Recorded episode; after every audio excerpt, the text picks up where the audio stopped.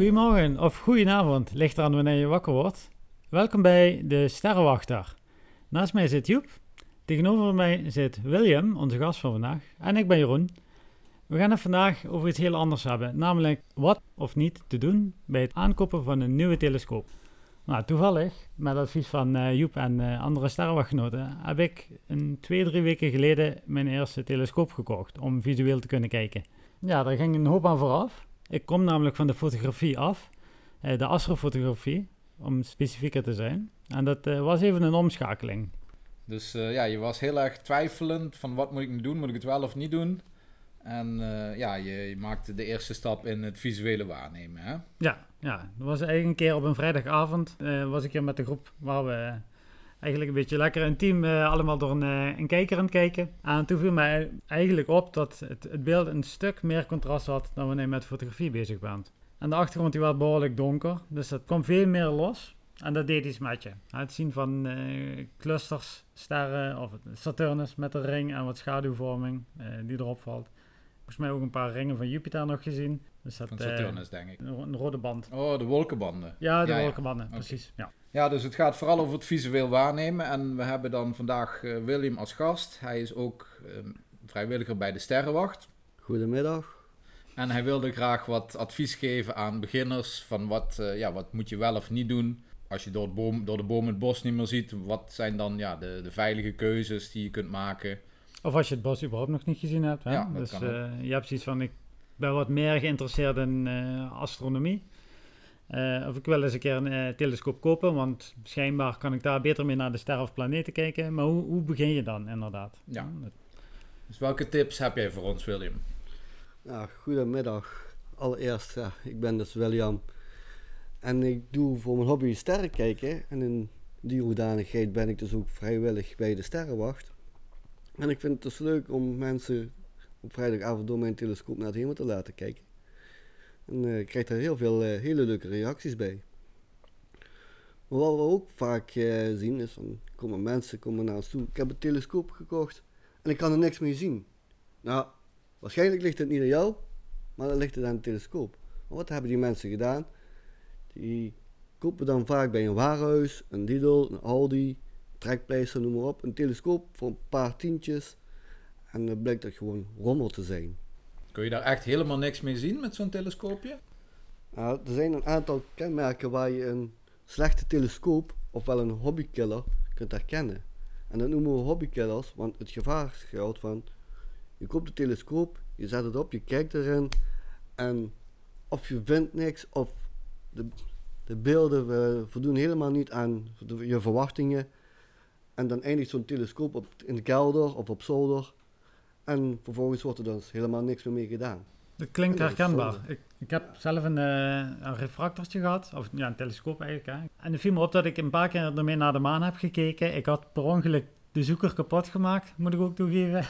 Okay. ah, dan zat ik met een vinger te kijken in die, uh, in die zoeker en toen brak dat draadje af. Dus dat was allemaal heel fragiel, schijnbaar. Daar kwam ik toen achter. En op een gegeven moment, ik heb er een keer een, een, een sensortje achter, achter gehangen. Een, een webcammetje toen. En dat uh, was eigenlijk al heel snel over met de hobby daardoor. Maar goed, sorry. Nou, het eerste punt waar we, die we aan kunnen halen is... Als je in een winkel bent, bijvoorbeeld, uh, noem maar bijvoorbeeld de Toys en je ziet daar een kartonnen doos met een telescoop...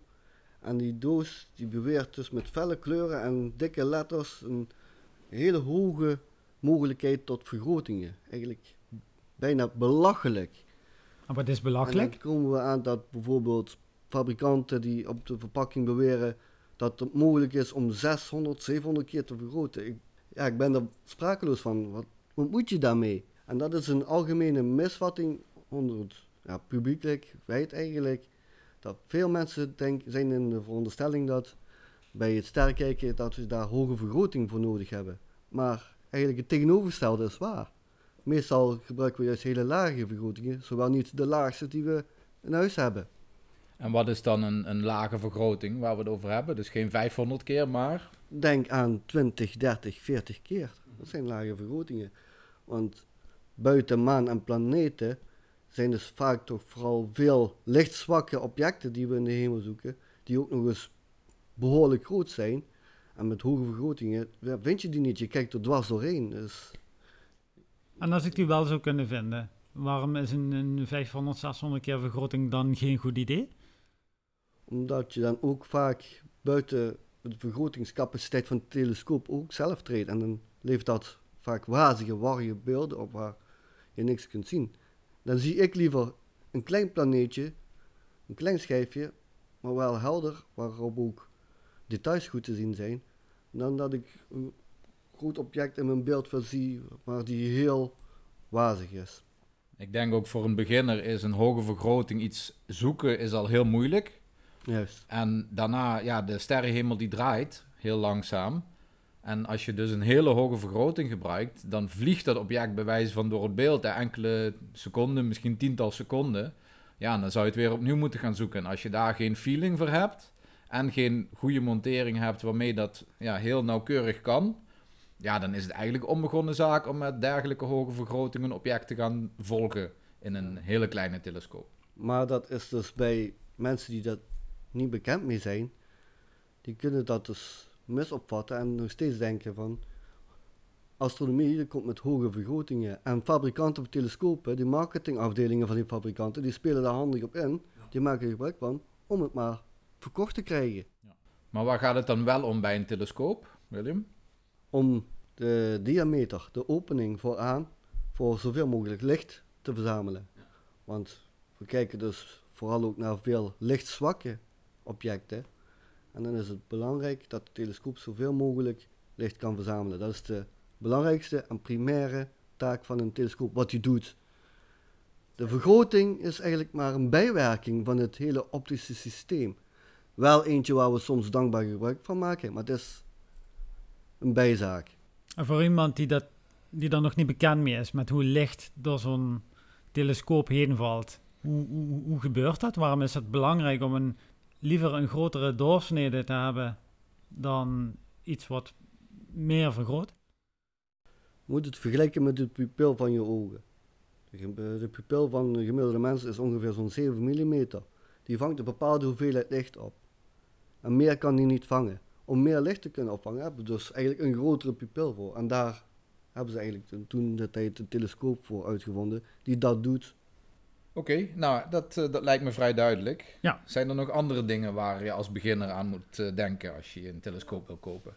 Als je dus een, uh, een telescoop in de winkel tegenkomt met zeer goedkope oculairs.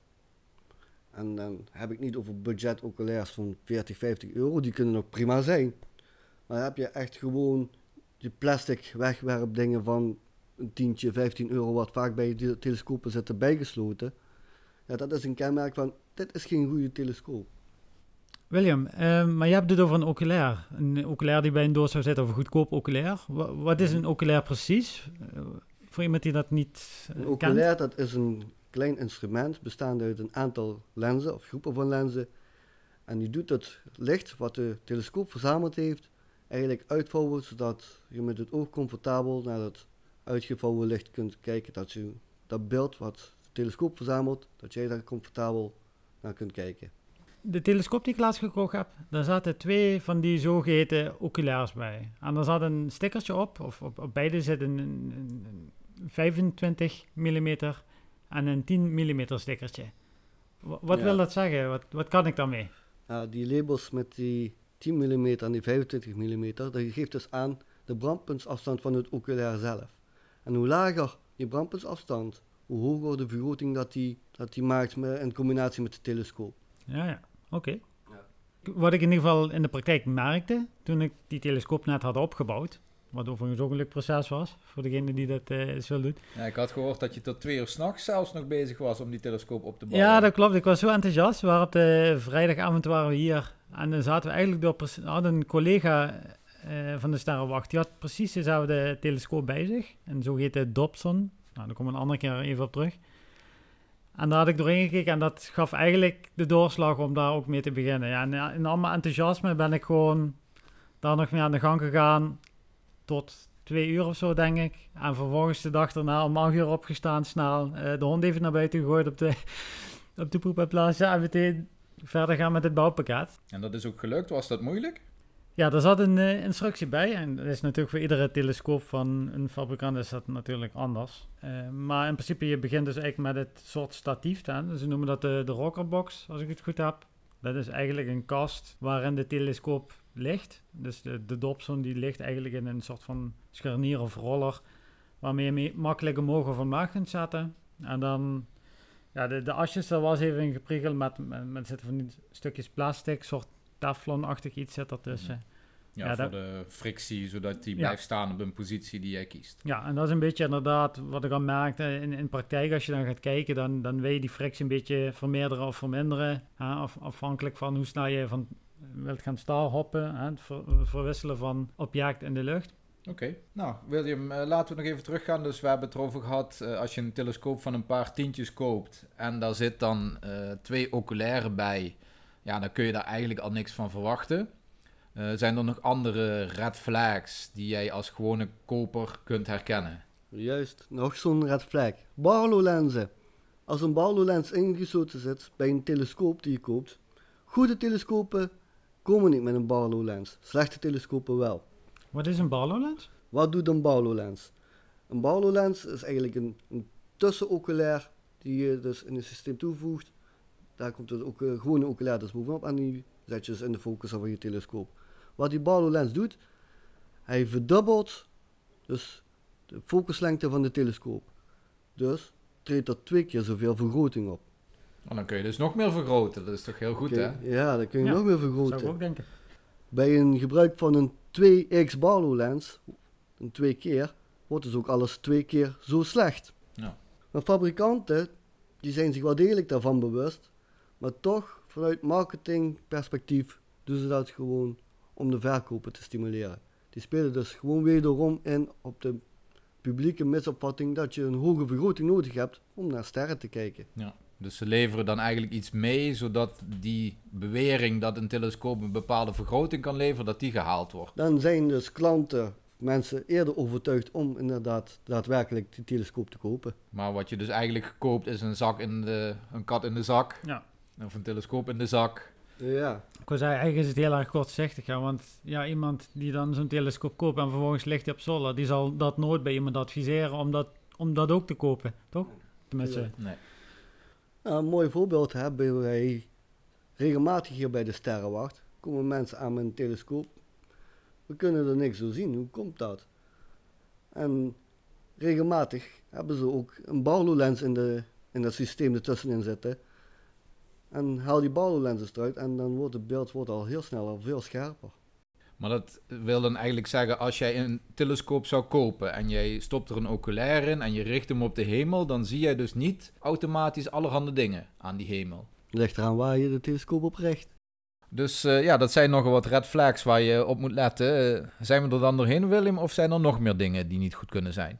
Er is nog een red flag. Namelijk wankele monteringen. Wat is een montering? Dus die telescoop, ja, die staat niet op zichzelf. Die heeft iets, die moet je ergens opzetten. Vaak is dat een statief of in het geval van een Dobson een rockerbox. Maar bij een statief hoort daar nog een montering bij. Die kan equatoriaal of azimutaal zijn. Dat is nu eventjes niet van toepassing. Maar op die montering wordt dus die telescoop geplaatst. Nou, zo'n red flag, dat zijn dus wankele monteringen. Die eh je kunt je wel voorstellen, als je met zo'n optisch systeem naar objecten wil kijken, tientallen, honderden miljarden kilometers verderop, de telescoop staat niet stabiel, dan is het heel onprettig kijken. is misschien in de praktijk, ja, om daar even op in te springen. Ik, ik heb met eh astrofotografie ben ik begonnen eigenlijk. Dat is misschien eh, een beetje verkeerd om, eh, zullen sommigen zeggen. Ja. Maar mij viel met name op dat als je... Ik, ik ben begonnen op een eenvoudige driepoot, hè, een statief. En daar stond dan een, eh, spiegelreflexcamera op. Eigenlijk wat heel veel mensen ook eh, in, de, in de huiskamer wellicht hebben liggen. Daar kon je eigenlijk al een leuke foto mee maken. Maar het viel op dat als er meer wind was, dan was het beeld onscherp. Dan had je allemaal zogeheten star trailing. Hè? Sterren die streepjes vormen, sterren die niet rond zijn, eh, dat soort zaken. Is, is dat ook van toepassing bij zo'n wankele montering, wa- wat je zegt, met een optische telescoop? ja, tuurlijk. Met een stabiele montering, dan kun je dingen elimineren zoals ongelukkige aanrakingen, een beetje eh, wind, waardoor de telescoop wordt opgevangen. En als die montering niet stabiel is, ja, stel je maar eens voor, probeer dan maar eens eh, te kijken door zo'n telescoop. En je hebt op dat moment een oculair erin die samen met de telescoop een vergroting van 60 keer produceert. Nou, elke trilling en elke beweging wordt dan dus ook 60 keer vergroot. Ja, ja. Oké. Ja, er moet wel een kleine kanttekening worden gezet. Eh, de montering is vaak een bespaarpunt voor producenten. Hè? Dus de meeste telescopen die jij koopt, die hebben een vrij gammel en zwak monteringje, waarmee je visueel nog net eh, jezelf kunt behelpen. Maar fotografisch hoef je dat helemaal niet te verwachten. En eigenlijk, als je, ja, als je de hobby serieus neemt, dan wil je met de tijd wil je toch wel een wat zwaardere montering. Dan wil je graag alles zo stabiel mogelijk. Ja, maar het nadeel daarvan is dat een goede montering ook heel duur kan zijn. Ja. En ja, als je dan een telescoop van 200 euro koopt en je moet dan een montering van 500 euro kopen, ja, dat doen veel mensen niet. Maar hou dat even in gedachten. Juist. Oké, en eh, ja, zijn er nog andere tips of zijn we er doorheen? Ja, de laatste red flag die ik aan wil halen, dat is als eh, fabrikanten van telescopen aanmoedigen om naar de zon te kijken. Oei, dat klinkt niet, eh, niet verstandig. Nee. Nee. Wat, Als wat er? fabrikant belooft dat je naar, met hun telescoop naar de zon kunt kijken, laten we duidelijk stellen: kijk alsjeblieft niet door de zon, naar de zon door een telescoop. Nee, dat, eh, het, het is wel mogelijk, maar als je niet weet wat je doet, dan is dat heel gevaarlijk, want je kunt er echt je gezichtsvermogen mee verliezen. Permanente blindheid. Permanente blindheid en dat is ook pijnloos, in ieder geval fysiek pijnloos. Het is echt een fractie van een seconde en dan is het klaar. En het is natuurlijk wel mogelijk, maar nogmaals, je hebt er specialistische apparatuur voor nodig. Je moet ook weten wat je doet. Dus eh, probeer het niet zelf. Ook niet als het op een doos van een fabrikant staat, van hiermee kun je naar de zon kijken. Nee, bij een eh, goede telescoop staat er juist een waarschuwing bij om dat absoluut niet te doen. Wil je naar de zon kijken, dan heb je toch echt een hele kwalitatief goede, deugdelijke zonnefilter nodig, ofwel een speciale zonnetelescoop. Maar die, zijn, die vallen in het duurde spectrum van, eh, van de telescopen. Hebben die hier eigenlijk op de sterrenwacht? We hebben er eentje op een sterrenwacht. Het is een kleintje. Als je hem ziet, zou je denken, is dat hem? Maar die kleinere modellen, als je die nieuw moet kopen, dan red je het niet onder de 1000 euro. En dan heb je alleen de telescoop zonder montering, statief, oculair niks. Alleen de, alleen de kijker. En eigenlijk omdat de zon zoveel licht geeft, heb je ook maar een klein telescoopje nodig. Hè, niet, eh, niet zoals met de Deep Sky, waar objecten heel zwak zijn en je juist meer opening wil hebben. Voor de zon heb je juist ja, meer aan een kleiner kijkertje. En toch, voor de fanatiekelingen zijn er ook grotere modellen. Maar je kunt er al nagaan, hoe groter en hoe meer details dat hij kan laten zien, hoe meer dat het in de papieren oploopt. En dan heb ik als afsluitende tip eigenlijk nog van, ja, wat doe je als je maar een beperkt budget hebt? Koop geen telescoop. Heb je maar een budget van 100 of 150 euro, koop dan een goede eh, verrekijker met een sterrenkaart of een app op je telefoon. Daar kun je al veel plezier mee hebben, daar kun je al veel van leren. En dan heb je veel meer aan dan aan een goedkope telescoop. Ja, en kom je er nog steeds niet uit wat je wil kopen? Kom dan gerust even langs op de sterrenwacht. Er zijn hier altijd behulpzame vrijwilligers die ook slechts bij slechts weer nog hun best willen doen om je te helpen nog iets, eh, om jouw dingen door jouw telescoop te kunnen laten zien. Oké. Ja, en over zien gesproken, Joep. Ga je nog iets leuks bekijken? Of William, heb jij nog iets wat je leuk object wat je wil gaan bekijken in de toekomst? Of in de nabije En toekomst? de nabije toekomst, ja. Dus eh, de Orionnevel, het sterrenbeeld Orion, Zeker weten. die is nu eh, in de hemel, die komt nu mooi op. Dus ik denk nog een maandje, twee maandjes, dan staat hij heel mooi in het zuiden, strak in het zuiden. Hoe kun je die het beste bekijken?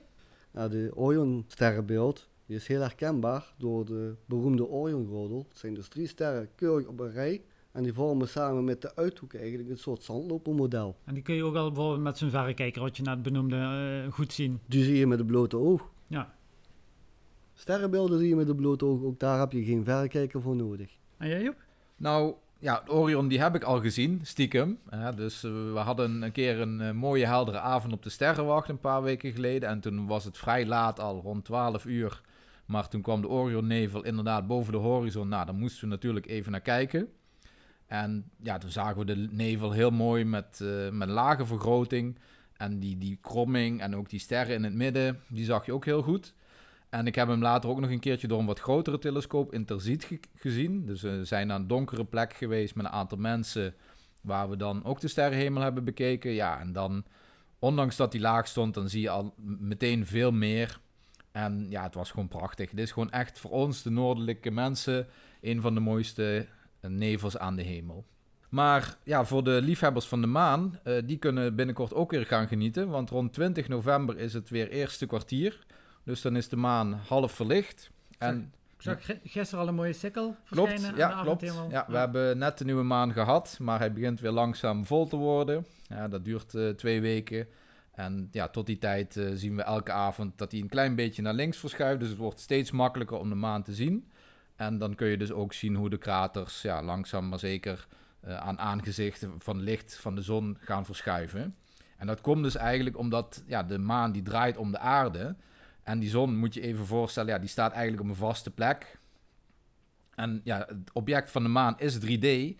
Dus als jij een halve maan ziet, ja, dan wil dat zeggen dat, uh, dat er eigenlijk aan één kant een hele maan verlicht is. Alleen we zien daar maar de helft van. We zien er van de zijkant eigenlijk. Ja, precies. Dus ja, voor ons lijkt het een platte schijf, maar het is eigenlijk een bol.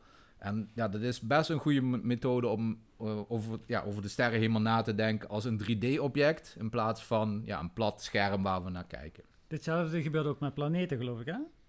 Ja. Van afstand kunnen we zien als Venus een sikkel heeft. Of, of ja, maar dat gebeurt dus alleen bij de planeten die binnen ons uh, bevinden. Dus met Mercurius en Venus. Met ja. een planeet die verder weg staat, die zien wij altijd ja, bijna helemaal verlicht. Ja. Dus als we een planeet kunnen zien, dan staat de zon in onze rug. Dus dan wil die eigenlijk zeggen ja, dat die helemaal verlicht is. En de maan die staat aan de zijkant, waardoor die dan minder verlicht kan zijn. We kijken dus eigenlijk altijd vanuit het perspectief van de zon. Ja, precies. Ja, ja. En die andere binnenplaneten, zoals die genoemd worden, dan kijken wij zeg maar terug richting de zon. Dus die kunnen ook aan de zijkant naast de zon staan, waardoor ze minder uh, verlicht zijn. Schijngestaltes. Schijngestaltes heet dat inderdaad. Nou, en Venus, die we net nog, ook nog even noemden, ja, die kun je zien, maar dat, daar moet je echt heel vroeg op. Dus dat zou ik eigenlijk afraden, tenzij je daar eigenlijk een grote fan van bent. Saturnus, daar moet je ook snel zijn, want die gaat echt al vrij vroeg naar beneden aan de hemel. En ja, als het een uurtje of tien is, dan is het dan moeilijk waarnemen.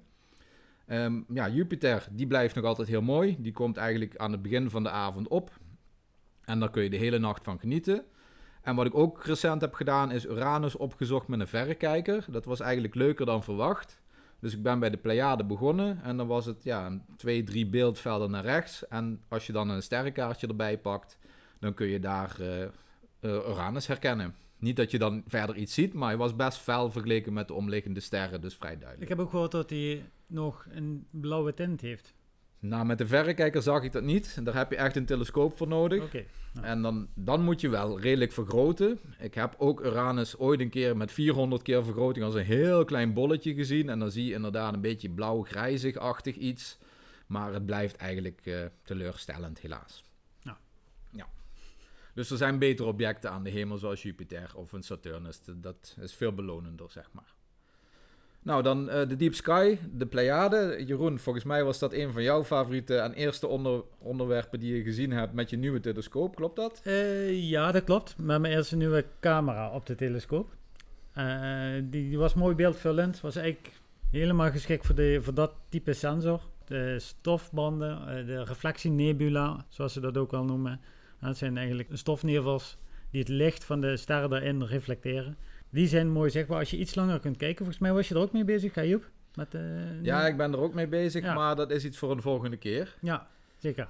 En ja, de Orionnevel hebben we net al behandeld, maar dat is ja, voor iedereen de moeite waard. En wat ik zelf ook een mooi sterrenbeeld vind, is de tweeling. Die komt nu, ook wat later op de avond, komt die op.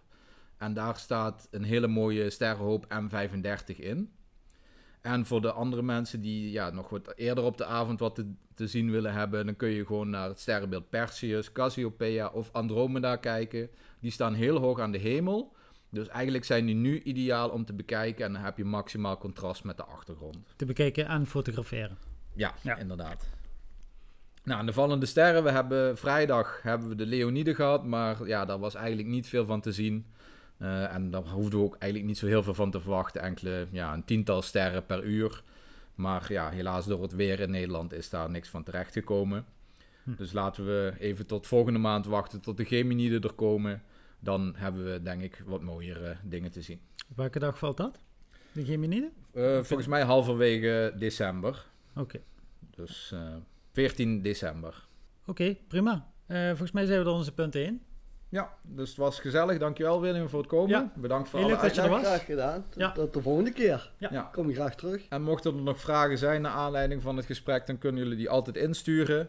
Of andere sterrenkunde vragen, dat mag ook natuurlijk. Dat kan, ja, dan kan naar sterrenwacht.nl slash podcast of even klikken op de link in de metabeschrijving van de podcast. Willen jullie bedanken voor het luisteren en wellicht tot een volgende keer.